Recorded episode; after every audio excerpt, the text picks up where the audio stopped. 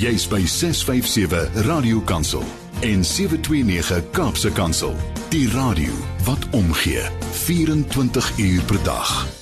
Ja, dit is sommer baie baie lekker om saam te kuier op die senders van uh, Radio Kansel en uh, ek is so bly dat jy ingeskakel is. My naam is Janie Pelser. Hierdie program se naam is natuurlik uh, Perspektief, né? Nee? Uh partykeer raak dit mekaar, maar daar's nog 'n ander program Naweek Aktueel en daarna kan jy op 'n Sondag luister tussen 1 uur en 2 uur, maar hierdie is nou ons lekker kuierprogram rondom die politiek en die ekonomie en 'n klomp dinge wat uh, natuurlik die lewe van gelowiges raak immers ons uh, leef met on, uh, in hierdie wêreld en dit uh, is ook hier waar ons 'n verskil moet maak. So baie baie dankie dat jy ingeskakel is Programme van Radio Kansel is 'n potgooi beskikbaar by www.radiokansel.co.za en uh jy soek net vir perspektief en ek is seker nadat ons vanoggend gekuier het jy uh, weer 'n keer daarna sal wil luister of dit sal wil verwys na iemand uh wat ook daarna sou wou luister. So asseblief gee gerus uh, die inligting deur. Eweneens ons naweek aktualiteitsprogram uh, die is beskikbaar dan uh natuurlik op uh, as 'n potgooi. Dis vir my sommer baie baie lekker en ek wil net uh, seker maak dat ons mekaar hoor. Uh, ons het eintlik al gehoor, maar dit is sommer lekker om hierdie stemme te hoor. Dit sommer net weer hulle, hulle net, net gou goeiedag sê. So prof Andrei, goeiedag. Alles reg daar aan die kant? Uh môre Jannie, môre Theo, môre Roland, alles reg hierdie kant. Pragtig. En uh, dan uh ook uh Roland, goeiemôre. Alles reg daar by jou kant? Goeiemôre Jannie en al die ander. Ja, dankie. Alles reg hier. En dan uh, professor Theo Venter, goeiemôre, alles reg aan die kant. Ja, dis die eerste keer in 'n maand wat ek weer aan hierdie goed deelneem. Ek het myself so 'n bietjie afgegee na 'n klein prosedure en terwyl ek op die stoel sit met 'n gaatjie in die middel, is ek heeltemal gemaklik. nou ja, ons is baie dankbaar dat u uh, saam met ons kuier. Dit is 'n groot groot voorreg. Nou uh, uh kollegas van die blou ligbende tot by die slim meters wat ons waterverwarmingsapparate self wil reguleer in die toekoms Suid-Afrika. Land van verbeelding ryke idees slimmighede innovasies en baie baie uitdagings. En ons gaan sommer 'n bietjie saam met mekaar kuier vandag rond 'n paar dinge wat tans in die branding is eh, wat ons raak lees eh, in die media en soos altyd 'n hartlike uitnodiging dat u sommer u hart sal uitgesels en lekker saam kuier en nie op mekaar wag nie maar so by mekaar aanvul. So baie baie dankie vir julle deelname.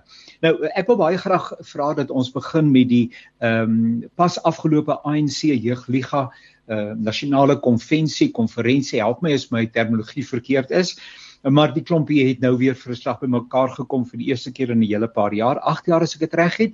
Uh en uh, ek wil so 'n bietjie saam met u kuier en bietjie by u leer rondom wie en wat die jeug liga is en uh, wat rol hulle binne die groter opset uh speel uh van die ANC en dan ook in Suid-Afrika. So kan ek maar sommer begin Prof Theo, miskien kan u vir ons inlei en dan gaan die ander net daarbey aan aan aan las. Wie is die ANC se jeugliga en watter rol speel die jeugliga? Hoe belangrik is die jeugliga binne die groter opset nie alleen van die ANC nie, maar politieke situasie in Suid-Afrika? Ja, die die die ANC as 'n mens dit as die moederliggaam beskou of die die hoofdeel van die ANC het so 3 of 4 stit organisasies, organisasies wat ehm um, verskillende belange binne die ANC dien. Daar's 'n vroue liga, omtrent die helfte van die ANC lede is vroue, so die vroue liga is is 'n groot deel van die ANC. Daar's 'n jeugliga. Uh, die ANC definieer jeug as iemand wat jonger as 35 is. Uh, ek dink daai ouderdom is maar bietjie omstrede. Teen die ouderdom 35 word 'n mens klaar bang, jy's nie meer jonk nie, want jy het klaar kinders en jy's getroud. En enige ou met kinders en getroud hy het nie meer wagmoed nie. Hy ehm um, hy het 'n ander siening van die lewe, maar dis hulle definisie. Dan is daar die veterane. Ek sê ek wou net sê en nou mis ons dit net, nê, nee, ons uh, vier ja, ja. saamkuier. mis dit nou net die geleentheid, nie te min tot en met dan is daar, dan is daar natuurlik dan is daar die veterane en dan is daar nog twee of drie ander los organisasietjies wat hulle as dit organisasies beskou soos Senko en Sasco en Kusas, maar hulle is hulle het 'n hulle speel 'n mindere rol. Die jeugliga tradisioneel was die aktiviste binne die binne die ANC. Hulle was die heethoofde. En tipies aan 'n aan 'n aan 'n politieke party het hierdie soort stitorganisasies verskillende funksies en een van die funksies van die jeugliga tradisioneel was 'n um, 'n uh, opleidingsskool vir voornemende leiers. Met ander woorde, jy het jou jy het gekom deur die jeugliga, dit is waar jy jouself uitgewoed het. Jy het jou leierskap bewys en dan beweeg jy oor na die moederliggaam en dan kom jy waar jy uiteindelik is. En so kan ons vandag terugkyk en ek ek gaan net drie ehm um, individue noem wat nou vandag senior posisies beklee of beklee het in die ANC wat deur die jeugliga gekom het. Een is Malusi Gigaba. 'n Volgende is Nati Ntetwa en 'n volgende is Malusi, ag ehm Fikile Mbalula. En een van die aansprake wat uh, waarnemers binne die ANC maak is dat Fikile Mbalula het die idee dat die jeugliga van sy tyd wat nou almal hierso so tussen 45 en 55 is Hulle behoort eintlik nou die nuwe leiers van die ANC te word en dit is waarom hy sy leierskap gebou het. Maar terug na die jeugliga toe. Die jeugliga het sy funksie uitgeoefen. Hy was omstrede. Uh, ons onthou vir Pieter Mokaba en alles wat hulle gedoen het, maar met die met die skorsing en die uiteindelike uitskop van Julius Malema het hy die jeugliga eintlik verlam wat oorgebly het van die jeugliga was 'n skadu van wat die jeugliga van tevore was. En oor die afgelope 8 jaar het die jeugliga regtig gesukkel om van die grond af te kom.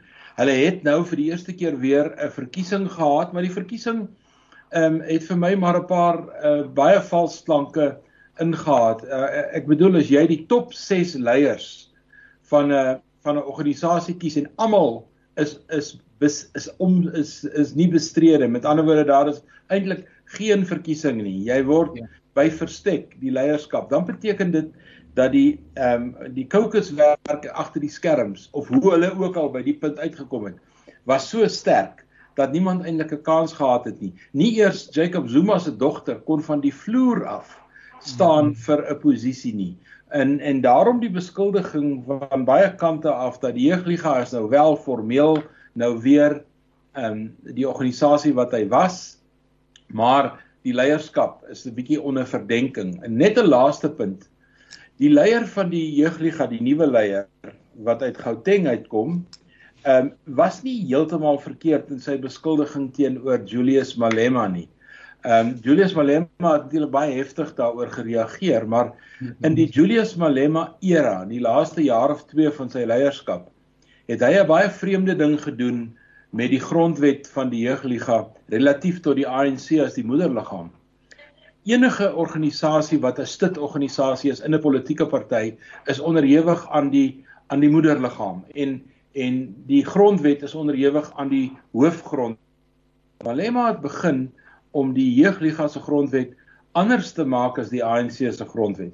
Hy het finansiële onafhanklikheid gesoek en hy het geweier om terugvoering te gee aan die moederliggaam soos wat die normale situasie in enige politieke party is.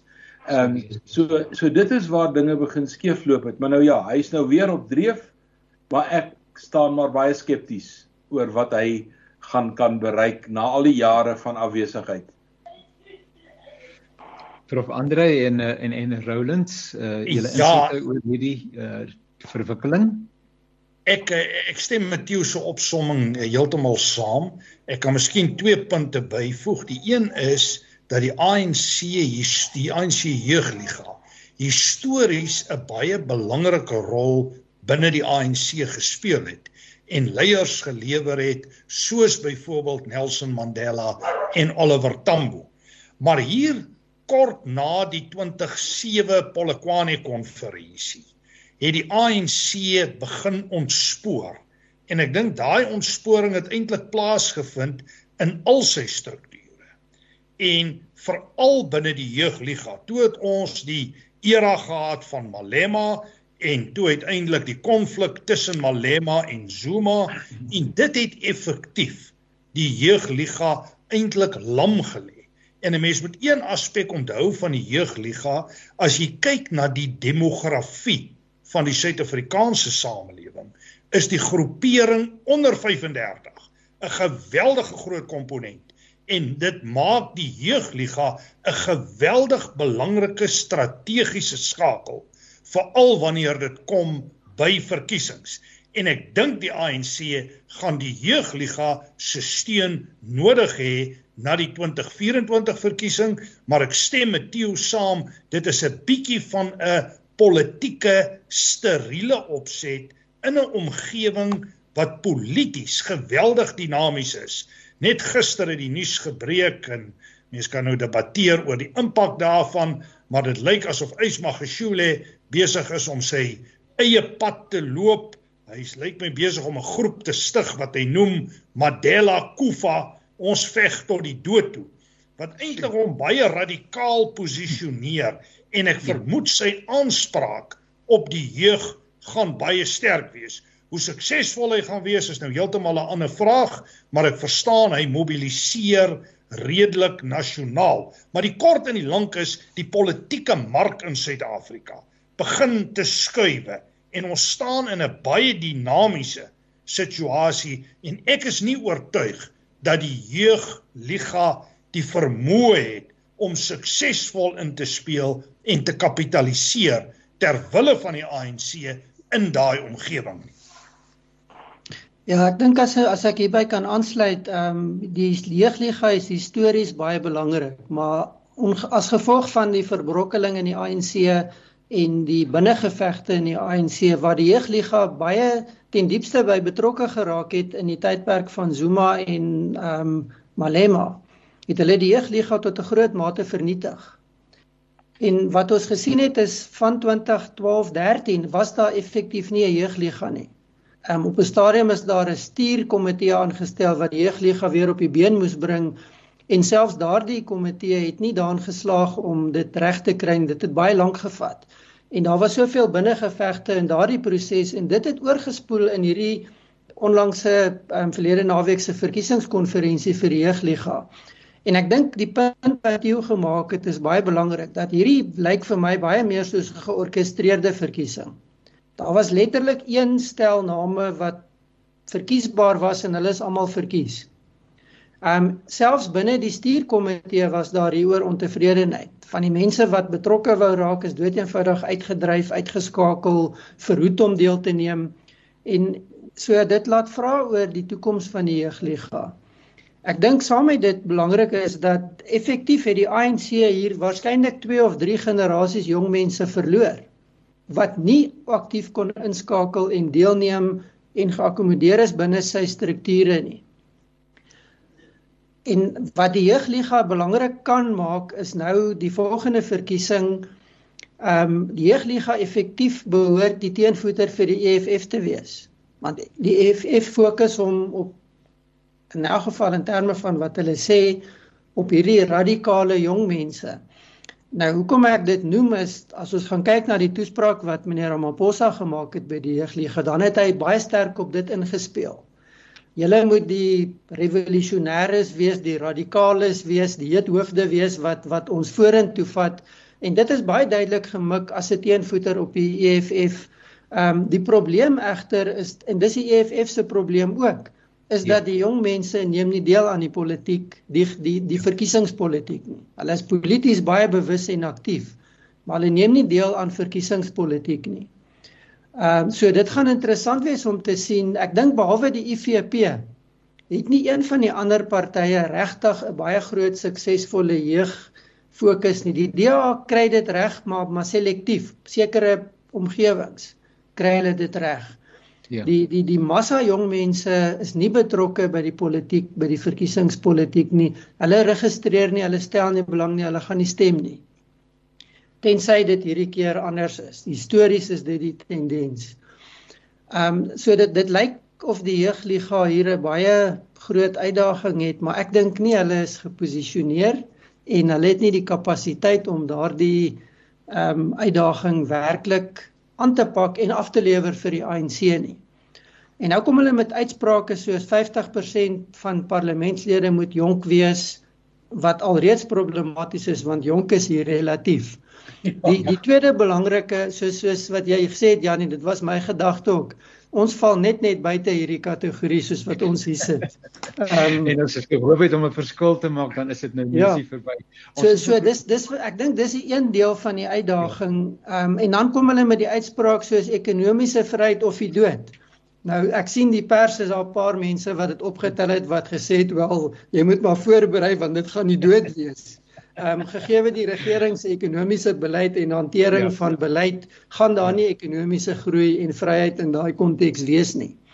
Maar ek dink wat dit eintlik op inspel is, dit lyk asof die jeugliga homself tog posisioneer om die EFF aan te vat en so bietjie terug te druk op die EFF en ons het gesien die die uitspraak wat die nuwe jeugleier gemaak het wat 'n baie direkte uitdaging aan Julius Malema is um, of hulle die vermoë gaan hê en werklik iets daaraan gaan kan doen, dit sal 'n mens moet sien. Maar maar dit lyk vir my dit is waar die jeugliga op die stadium staan. As ek miskien net twee laaste opmerkings kan maak. Ehm um, as ons gaan kyk na die aanbied van hierdie verkiesingskonferensie, dan is dit die normale ANC chaos wat gegeld het. Die registrasieprobleme, die geveg oor wie mag wat doen. Weereens begin die konferensie 'n volle dag laat. Nou hierdie is baie kleiner as die ANC se nasionale konferensie. En mense sou dink dat daar gebeur iets positief, maar maar selfs die nuwe sekretaris-generaal lyk dit vir my kan nie hond daaraf maak hiermee nie. So daardie probleme bly saam met die ANC en sy strukture loop en dit ondermyn die party. Dit ja. is nie goed genoeg om te sê dis die tradisie, die mense weet nie, dit ondermyn die party, dit ondermyn die aansien van die party en daarbey kan 'n mens nie eenvoudig nie verbykom nie. Ehm um, so ek ek het gemengde gevoelens. Ek dink die leierskap se verkiesing is verdag om dit sag te stel. Die die administratiewe en organisatoriese onbeholpenheid lyk of dit net groter word en en dan onderliggend hier aan die eie belang. Dis baie duidelik dat hier 'n baie sterk strukturering en organisering is rondom die persoon van meneer Ramaphosa. Nou as die jeugliga op daai manier gekonstitueer word, dan sien ek swaarigheid voor want dit gaan nie afgaan by die tipe mense wat die jeugliga wil hê moet betrokke raak en moet hulle ondersteun nie. Ek, ek ja, gaan daarby eh, staan. Ja, as ons geagte president uh, dan nou opdaag en die manne is honger, dan geëet hulle eers. ja. en dan kry hy sy beurt, maar ek bedoel as 'n mens honger is, is daar nou niks wat in die pad staan nie, selfs nie die staatspresident kan sy beurt uh, benut nie, nietemin. Kom ons gesels oor 'n ander saak wat uh, ook tans in die branding is. Uh en uh, ook gister is daar sommer baie baie aandag daaraan gegee. En dit is die nasionale konvensie van politieke partye wat dan uh, by uh, Emperor's Palace uh, hier middel Augustus uh, moontlik is gaan plaasvind of beplan word waar ehm um, die sewe politieke partye hoop om op 'n manier iets op die tafel te bring wat as 'n teenvoeter kan uh, dien vir die ANC en EFF uh, se aansprake volgende jaar by die nasionale verkiesing. Kan ons 'n bietjie daaroor gesels?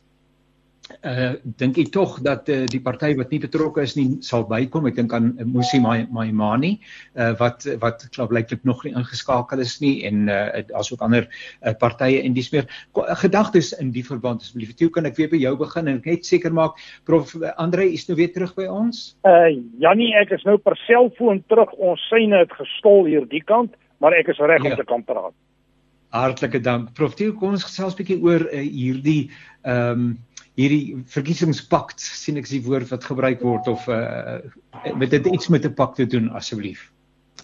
Ja, die die die woordjie pakt kom uit ons uh, verlede. Uh, dis natuurlik Duits, maar daar was in die 20er en die 30er jare ook samewerkings in die vorige eeu, veral in Afrikaner geleedere waar daar selfs na die regering verwys is as die pakt regering wat maar eintlik niks anders as 'n koalisie is nie.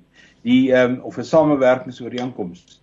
Nou die DA het aanvanklik ehm um, 'n ligte toetsie gedop toe hulle die ehm um, die moonshot ehm um, bekend gemaak het tydens hulle eie partykonferensie sonder om al die uh, ander partye met wie hulle in gesprek is of in samewerking wil wees regtig voor te berei op die groot nuus. Nou ek dink 'n belangrike les is deur die DA geleer daar is dit is as jy wil 'n pakt vorm, 'n samewerkingsooreenkoms, dan eh, moet daar baie klem gelê word op die bilaterale gesprekke, met ander woorde tussen twee partye, ja. multilaterale gesprekke wanneer jy dit bietjie groter maak en dan die groot gebeure. Nou destyds uh, met Codesa, dit sal dieselfde plek wees waar hulle dit gaan hou. Ja. Is hierdie groot byeenkomste die plenêre sessies genoem. Met ander ja. woorde, dis eintlik die vertoonstuk. Nou by so 'n vertoonstuk, ehm um, soos met 'n gradeplegtigheid en soos met 'n klomp ander goed wat ons ken in die lewe, word besluite eintlik nie geneem nie, die besluite word voor die tyd geneem. Dis eintlik die bemarkings ehm um, geleentheid van so 'n samewerkingsooreenkoms. Met ander woorde, daar word dink ek op die oomblik baie hard agter die skerms gewerk. Ek weet uh, Corneille Mulder van die Vryheidsfront Plus is 'n baie baie sleutelfiguur in hierdie hele samewerkingsooreenkoms. Ehm um, lede van die DA en so aan. En ek dink jou jou jou uh, tersluikse vraag oor gaan daar nog lede bykom? Ek dink beslis so. Soos wat die ehm um, kom ons praat van die die die die die die randvoorwaardes vir samewerking of as 'n mens nou meer liries en akademies wil raak die kontoure van samewerking ja, um, ja. is waarmee ons hier werk met ander woorde wat het hierdie groepe in gemeen en waaroor kan hulle goed saamwerk daar's baie goed wat hulle met mekaar verskil maar kom ons fokus op die op die geleenthede waar hulle kan saamwerk. En dan dink ek uh, Musi Maimani kan beslis bykom, die Mzansi, Zibi van Mzansi kan bykom. Daar is ja. uh, vir my was dit verbasend dat die NFP deel hiervan is. Ons hmm. weet nou dat die NFP is 'n afskilfering van die IFP en hulle was vir baie lank baie nou met die ANC ehm um, gemoeid, maar dit lyk vir my nou dat ehm um, daar ander leierskap is, dink hulle bietjie anders. Ehm um, interessante beweging en wat interessant is en dit sal my laaste punt wees, ehm um, dit was altyd belangrik dat uh, hierdie groep voor die verkiesing 'n uh, ooreenkoms sal kry en nie na die verkiesing nie. Die normale ehm um, situasie by by verkiesings, as mens nou globaal daarna kyk, is dat koalisies word gevorm na die tyd en dan neem dit 'n um, geruime tyd voor die koalisies nou in werklikheid die regering vorm. Gelukkig in Europese lande waar dit die norm is, is die administrasie so sterk dat die mense eintlik nie die regering mis nie. Hulle sal later agterkom daar is nou weer 'n regering. By ons is dit anders. Die regering en die administrasie is so naby aan mekaar dat ons waarskynlik dit nie maklik sal hanteer nie, maar ehm um, dit is goed dat hierdie groepe voor die tyd ooreenkomste kry en met hierdie ooreenkoms na 2024 se verkiesing toe gaan. Prof Andre, ek dink aan die eh, die tyds uh verloop uh en die noodsaak dat tyd so effektief as moontlik gebruik word. Ehm um, sou hierdie mense 'n uh, indruk wil maak volgende jaar by die nasionale verkiesing wanneer dit ook al gaan plaasvind. Ehm um, my vraag is, moet hierdie politieke leiers van die verskillende politieke partye nou eers weer terug na hulle ondersteuningsbasis om 'n mandaat te kry om vorentoe te gaan of het hulle dit reeds want uh, dit sou uh, met die tyds uh, krisis sou dit waarskynlik nou weer die proses in die wiele ry. Uh, daarmee saam uh, uh, want hierdie goeders gaan tog alles oor die nasionale verkiesing van volgende jaar. Neem hierdie klomp uh, politieke partye dan as 'n uh, eenheid deel aan die politieke proses met ander vir een party gestem of word daar nog steeds vir die onderskeie partye gestem en al die stemme word bymekaar gevoeg? Hoe werk die ding nou en gaan dit werk vorentoe prof Andrei? Uh, Jannie, ek dink jy raak nou 'n kernpunt van die problematiek aan, maar ek wil net twee punte maak voor ek jou direk gaan probeer antwoord. Die eerste is dis baie duidelik dat uh, die politieke spektrum in Suid-Afrika is besig om te rekonfigureer. Partye is besig om hulle te herposisioneer as gevolg van 'n aantal redes wat maar te maak het met groot uitdagings polities, ekonomies en maatskaplik.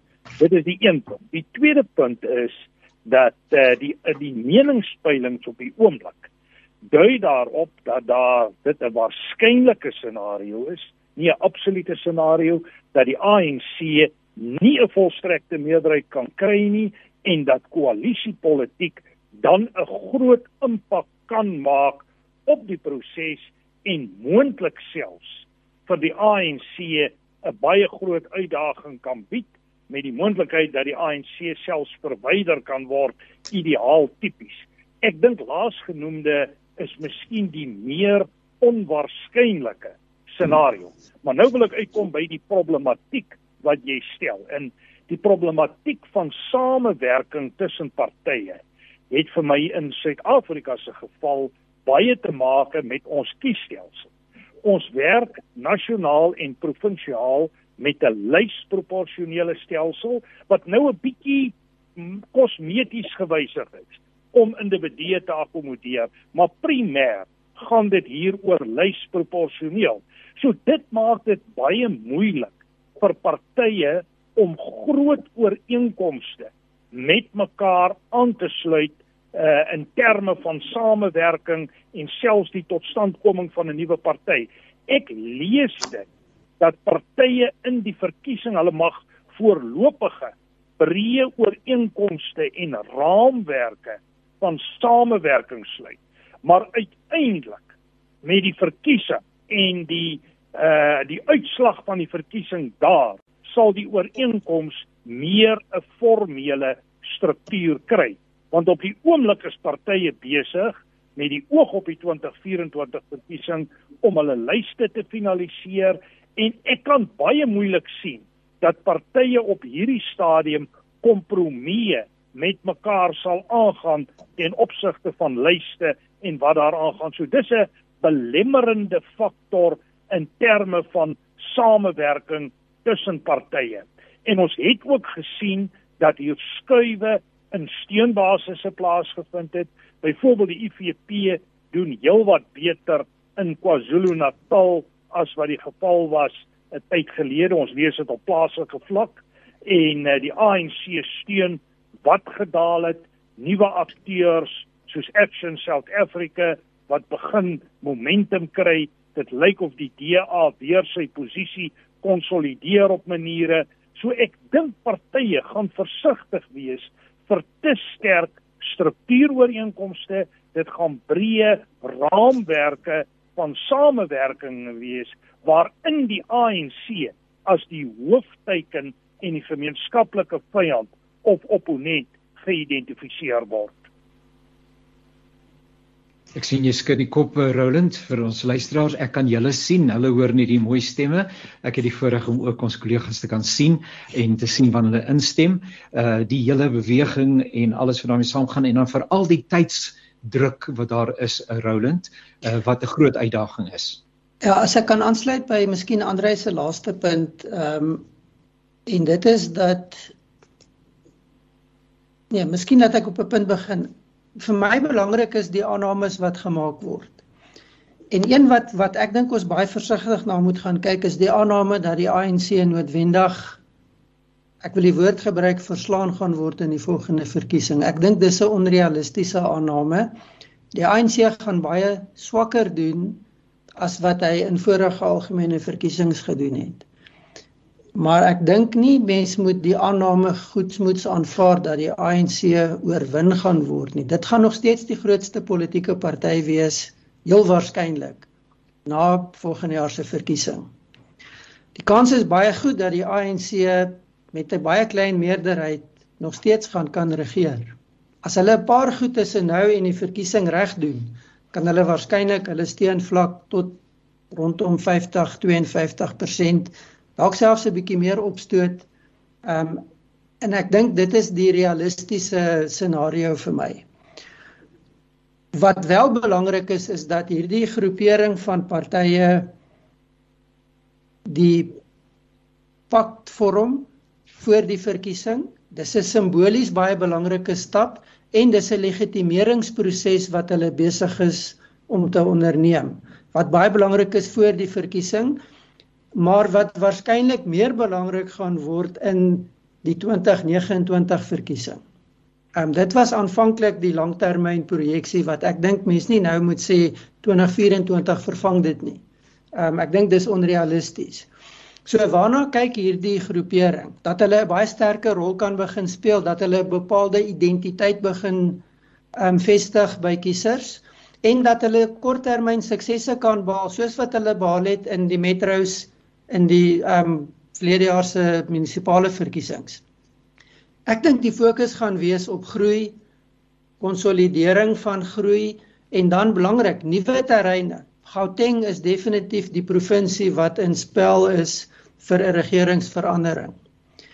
Die manier wat dit gedoen word gaan baie belangrik wees. Die DA se manier is 'n bangmaak manier. Dis die EFF wat voorgehou word en dan word die ANC daarbey ingesleep.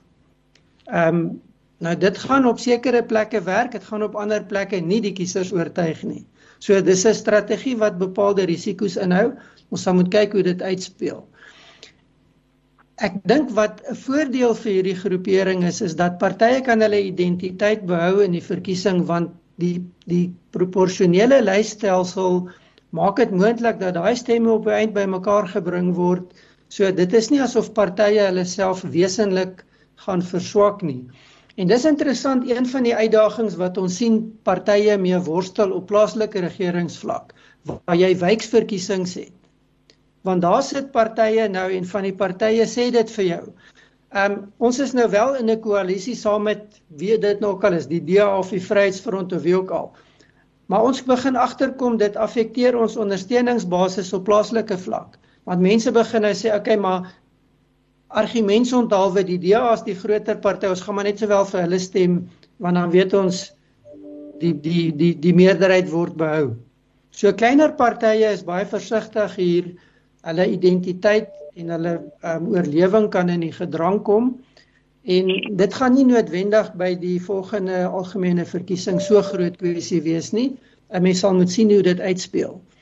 Um ek dink wat ons wel hier begin sien is die herstrukturering van die partytetiek wat sedert 94 nog nie regtig momentum gekry het en gebeur het nie. Hierdie kan waarskynlik nuwe momentum aan daardie idee gee van werklike partytetiese bedeling wat met die post 94 Suid-Afrika begin saamgroei en begin saam ontwikkel.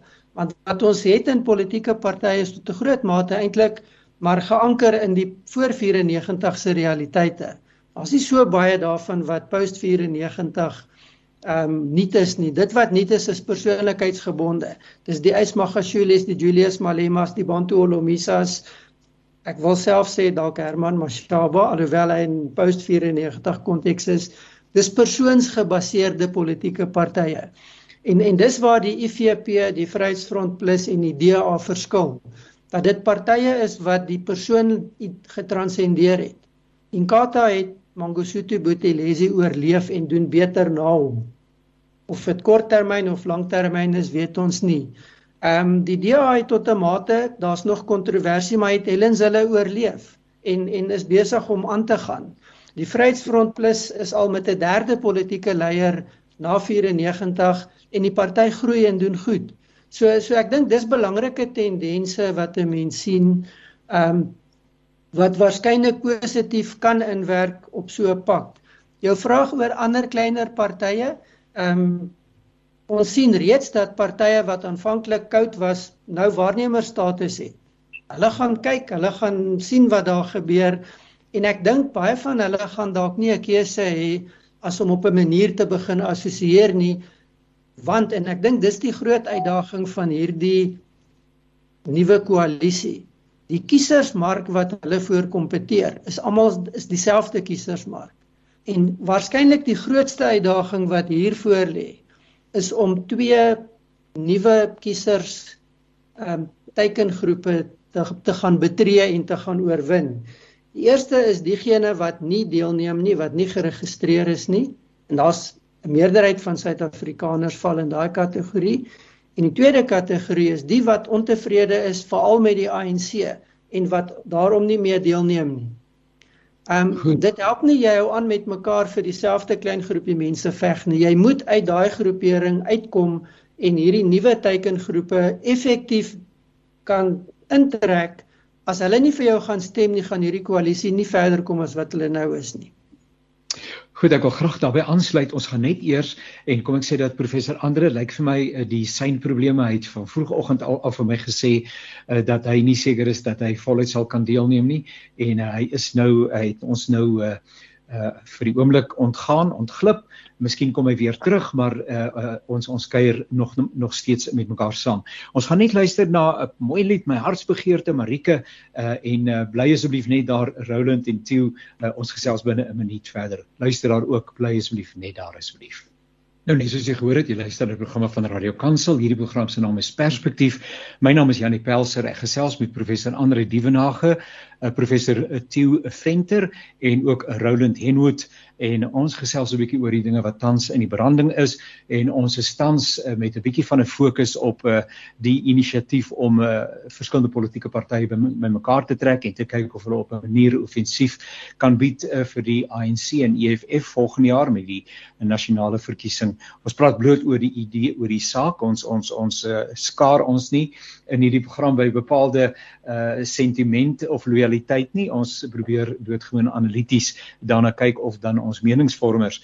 Uh so nou Roland het daaraan geraak en ek wil graag nog by 'n ander saak uitkom. So kan ek net vra Prof Tieu en Andrei, Prof Andrei Uh as ek nou gister geluister het na meneer Steenhuisen, is hy baie opgewonde en natuurlik moet 'n mens opgewonde en positief wees uh en 'n positiewe inslag uh hê, maar dat die hierdie inisiatief wat dan nou rondom die middel van Augustus uh dan nou uh, meer inhoud gaan kry uh dat dit uh, kiesers wat tans apaties staan uh regtig dalk 'n alternatief kan bied en hulle in die beweeg kan bring. Dink jy daar is uh Prof Theo en uh, Prof Andrei ook uh uh Ronald is daar genoeg momentum uh om om regtig 'n beweging aan die gang te sit wat inderdaad 'n verskil gaan maak volgende jaar rondom die uh die die verkiesing Prof Andrei? Uh Jannie ja, ek ek dink uh die momentum hiervan gaan nie so verskriklik sterk uitspeel na 2024 nie. Ek wil met Roland saamstem dat dit waarskynlik sterker sal uitspeel na 2029. Ons is in 'n fase in ons politiek waar ons eintlik 'n nuwe kultuur moet vestig waar binne koalisiepolitiek funksioneer. En sover is ons baanrekord nie baie suksesvol nie en sien ons dat koalisies gereeld in die moeilikheid inloop veral in die metropole maar nie uitsluitlik in die metropole nie. So daar's 'n klomp uitdagings. Die tweede vraag wat vir my opkom is as hier nou ooreenkomste is, hier kan nie 'n nuwe identiteit na vore tree wat gaan deelneem nie. Dit sal die bestaande politieke partye wees. Wie gaan die winste uit hierdie proses skep indien daar bepaalde winste is. So daar is 'n klomp onduidelikhede, maar ek dink dit is 'n belangrike boodskap wat aan die kieserskorps uitgestuur word dat Suid-Afrikaners bereid is om met mekaar saam te werk dat die uh, bestuur en regeringspraktyk van die ANC onaanvaarbaar is en uh, ek dink uiteindelik is dit belangrik om groter koördinasie tussen partye van 'n diverse aard te kry en te skep as oppositie tot die ANC en ter versterking van demokratiese praktyke en verantwoordbare regering. Professor Theo, u gedagte in die verband en dan daarmee saam as die status quo sou voortgaan, uh, kan Suid-Afrika dit bekostig? Ek bedoel dinge is aan die uitrafel, ons hoef daaroor nie met mekaar te verskil nie. Uh soveel samelewingsverbande ehm um, het het groot krisisse, daar's in, inisiatiewe op plaaslike en op grondvlak om dinge aan die gang te kry maar die geld is nie noodwendig daar nie en 'n klomp ander dinge die strukture is nie in plek nie. Ehm um, kan Suid-Afrika nog wanneer is die volgende verkiesing nou het nog gehoor u sê 2027. Uh, ek het ons tyd, het ons tyd en gaan ons kan deurdruk daarna toe vir 'n verandering. Jannie, daar's kortliks so vier goed waarop ek net kommentaar wil lewer oor oor uh, wat ehm um, en wat Andrei gesê het. Die een is die die grootste onsekerheid met betrekking tot volgende jaar se verkiesing het te doen met die deelname van ehm um, individue individue wat nie deel is van politieke partye nie. 'n uh, uh, beslissing van ons grondwetlike hof. Uh, dit is baie moeilik vir hierdie individue om werklik toegang te kry tot die politiek. Ehm um, hulle het 'n paar hoë hekkies om oor te kom, maar dit bly 'n onseker faktor wat ons baie moeilik kan verreken. Dis een punt. Die tweede punt is 'n punt wat Andrei gemaak het oor die politieke kultuur. Die politieke kultuur voor 94 was dat ons 'n dominante party het met 'n paar kleiner partye. Na 94 het ons daai politieke kultuur net in 'n ander vorm voortgesit, 'n dominante party met 'n paar kleiner partye. En as jy nou na die gewone kiezer kyk, dan is hy al in sy kop is daar altyd 'n groote en 'n paar kleintjies. Om nou die politieke kultuur aan te pas, om voorsiening te maak vir politieke partye wat op een of ander manier koalisies moet kry en samewerking te moet bewerkstellig, gaan tyd neem. Dit gaan nie dit gaan nie vinnig gebeur nie en in plaaslike owerheid het ons begin sien wat is die probleme wat ons daarmee het en ek dink die aanpassing vind stadig oor tyd plaas. Die derde punt wat ek wil maak is die pakt se sukses gaan afhang van wie die gesig gaan wees die Engelse praat van the optics. Ehm um, wie wie gaan hulle voorstoot as die hmm. segspersoon? Steenhuisen is in alle waarskynlikheid, wel, hy's 'n dominante speler, maar hy's in alle waarskynlikheid nie die beste gesig om voor te stoot as jy 'n baie groot deel van die Suid-Afrikaanse samelewing wil kry nie. So dit op sigself gaan gaan 'n probleem wees oor oor hoe oor hoe dit lyk. En ehm um, die laaste punt wat ek wil maak betrek jou 'n bietjie en dit is jy was jou lewe lank 'n um, 'n predikant, 'n pastor en op 'n manier het julle en die politici nogal baie in gemeen. Ek weet julle werk in verskillende terreine, maar julle julle is beide besig om te bemark. Jy bemark die goeie lewe. Die ehm um, die politikus bemark ehm um, sy ideologie, sy opsie. En ja. daarom moet ons altyd van van politici verwag uh amper soos Fikile en Balula wanneer hulle praat is die glas nie half vol of half leeg nie. Die glas loop oor. Dit is wat dit is wat mens van politici verwag. So mense moet baie altyd en dis hoekom hulle ons as uh meningsvormers en analiste baie keer as as sinies beskou. Want ons werk is ja. om daai oorlopende glas so 'n bietjie op te droog en so 'n bietjie terug te vat na waar hy behoort te wees en uh, dan is mense baie keer vir ons vies dat ons nie hulle opgewondenheid deel nie. Nou ja, ons het enkele minute oor om net oor 'n ander saak te gesels. Ehm um, uh, miskien twee ver, aan verwante sake op 'n manier of twee sake. Ehm um, ek is baie lief vir wat in Engels genoem word talk radio. En so as ek in my motor is en gister was ek heelwat tyd in my motor, dan is ek op verskillende rasios radiostasies ingeskakel om te hoor waaroor mense gesels. En die gebeure rondom die bouligbende uh en uh, die uh motor ehm um, die motorbestuurder en ek een keer gerus een of dan het gerus twee passasiers nietemin uh, wat uh, hulle self vasgeloop het teen die brutaliteit uh ongevraagde brutaliteit. U u gedagtes in die verband natuurlik soos u gesê het meneer Steenhuisen het reeds die geleentheid aangegryp om te sê uh, uh, daar is politieke munt hieruit te slaan en tipies uh, natuurlik moet 'n mens wakker wees het ook gesê dat um hierdie tipe van beskerming wat die belangrike persone geniet uh, in die omgewing van 1,7 miljard rand per jaar kos in Suid-Afrika. En um uh, ek ek gedagtes in die verband uh, kan ek maar so met die met die met die ry afgaan professor Andrei? Die ding wat nou gister uh, so aan die lig gekom het? Janie ja, net net 'n paar vinnige opmerkings. Die eerste, ek dink die spandering aan beveiliging van politici en ander is problematies hoog en kan baie drasties afgeskaal word. Uh die gebeure gister waarin Paul Mashatile se veiligheidswagte uh baie onkonvensioneel opgetree het, ek dink is totaal aanvaarbaar, onaanvaarbaar en ek dink daar moet baie drasties en baie sterk daarteen opgetree word. Ek dink 'n mens kan nie toelaat dat mense wat verantwoordelik is vir veiligheid hulle aan daardie tipe van wanoptrede skuldig bevind nie. My breë perspektief is wel dat die groter strafregstelsel in Suid-Afrika problematies is in terme van veral die toepassing daarvan en dat dit baie ruimte laat vir individue en uh instellings om mag in eie reg te word en as dit ware buite die raamwerk van die wet te kan funksioneer.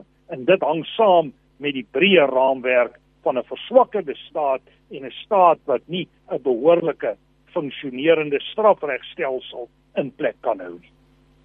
Roland, het jy gedagte hieroor? Ja, ek dink um, gister is vir ons 'n simbool van 'n proses wat oor 'n lang tyd kom, maar dis 'n baie belangrike aanduiding daarvan. Ehm um, ek begin al hoe meer die beeld van Animal Farm in Suid-Afrika toepas waar party mense meer gelyk is as ander en wat ons hier sien is 'n vorm van toeëning. Maar die belangrike vir my is dis nie net toeëning van 'n leierskorps van hulpbronne nie. Ek dink per capita is die besteding aan persoonlike beveiliging van senior politici die grootste uitgawe wat op ons begroting is. En dit behoort mense tot kommer te strek. Want ons het baie groter probleme as dit. Ja ja. Die tweede beginsel vir my is dat as ons gaan kyk na party mense is meer gelyk en toeëning, dan sien ons dat die polisiebeamptes wat saam met hierdie politieke leiers beweeg, hulle self beskou as verhewe bo die normale reg. En dit is dood eenvoudige eienskap van 'n Pisang Republiek. En ek dink is tyd dat ons dit begin baie hard en duidelik sê. Dis onnodig en onbestaanbaar met die konstitusionele demokrasie idee wat in Suid-Afrika gevestig wil word, want ons is nie daar nie. So so hierdie is my baie belangrike wekroep van wat besig is om verkeerd te loop in Suid-Afrika. Absoluut onaanvaarbaar die hele prentjie wat 'n mens sien, die hele gedrag en en nou wil ek teruggaan. Ek dink ek het dit dalk voorheen op hierdie program gesê. As ons kyk wat in Pole gebeur het met die presidensiële beskermingseenheid en die insident daar. Ek het dit genoem die blou lig mentaliteit wat daar skeef geloop het en wat gewys is. Die arrogansie, die aanmatigende houding van Suid-Afrikaanse amptenare teenoor ander in die buiteland. Dis presies wat hier gebeur.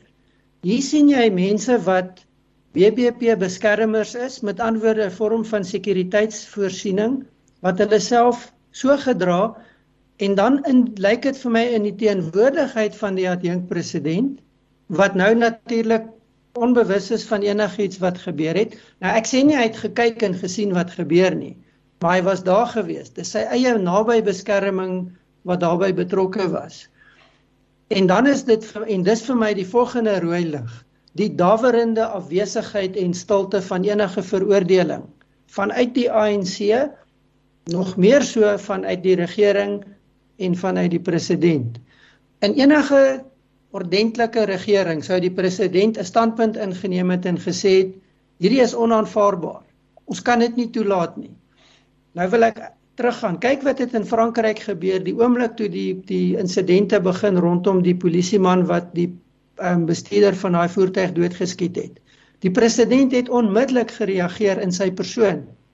Daar was onmiddellik optrede. Wat gebeur by ons? Ja, die jong president bied eintlik 'n regverdiging aan en die res is doodstil en daar word gesê die polisie gaan 'n ondersoek doen. Ja.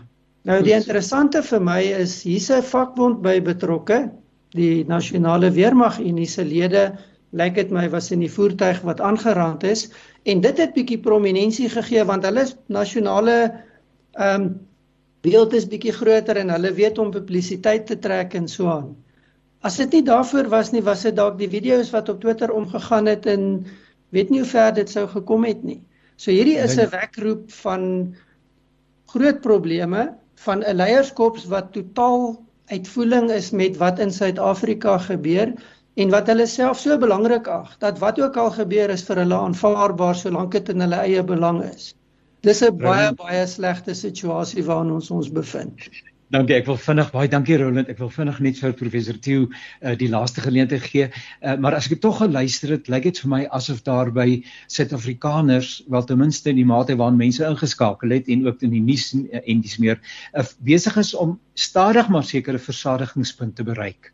Uh, waar uh, waar die Suid-Afrikaanse gemeenskap Jan publiek sê maar luister, ehm um, ons ons ons ons is nie met tevrede nie, Prof Tieu.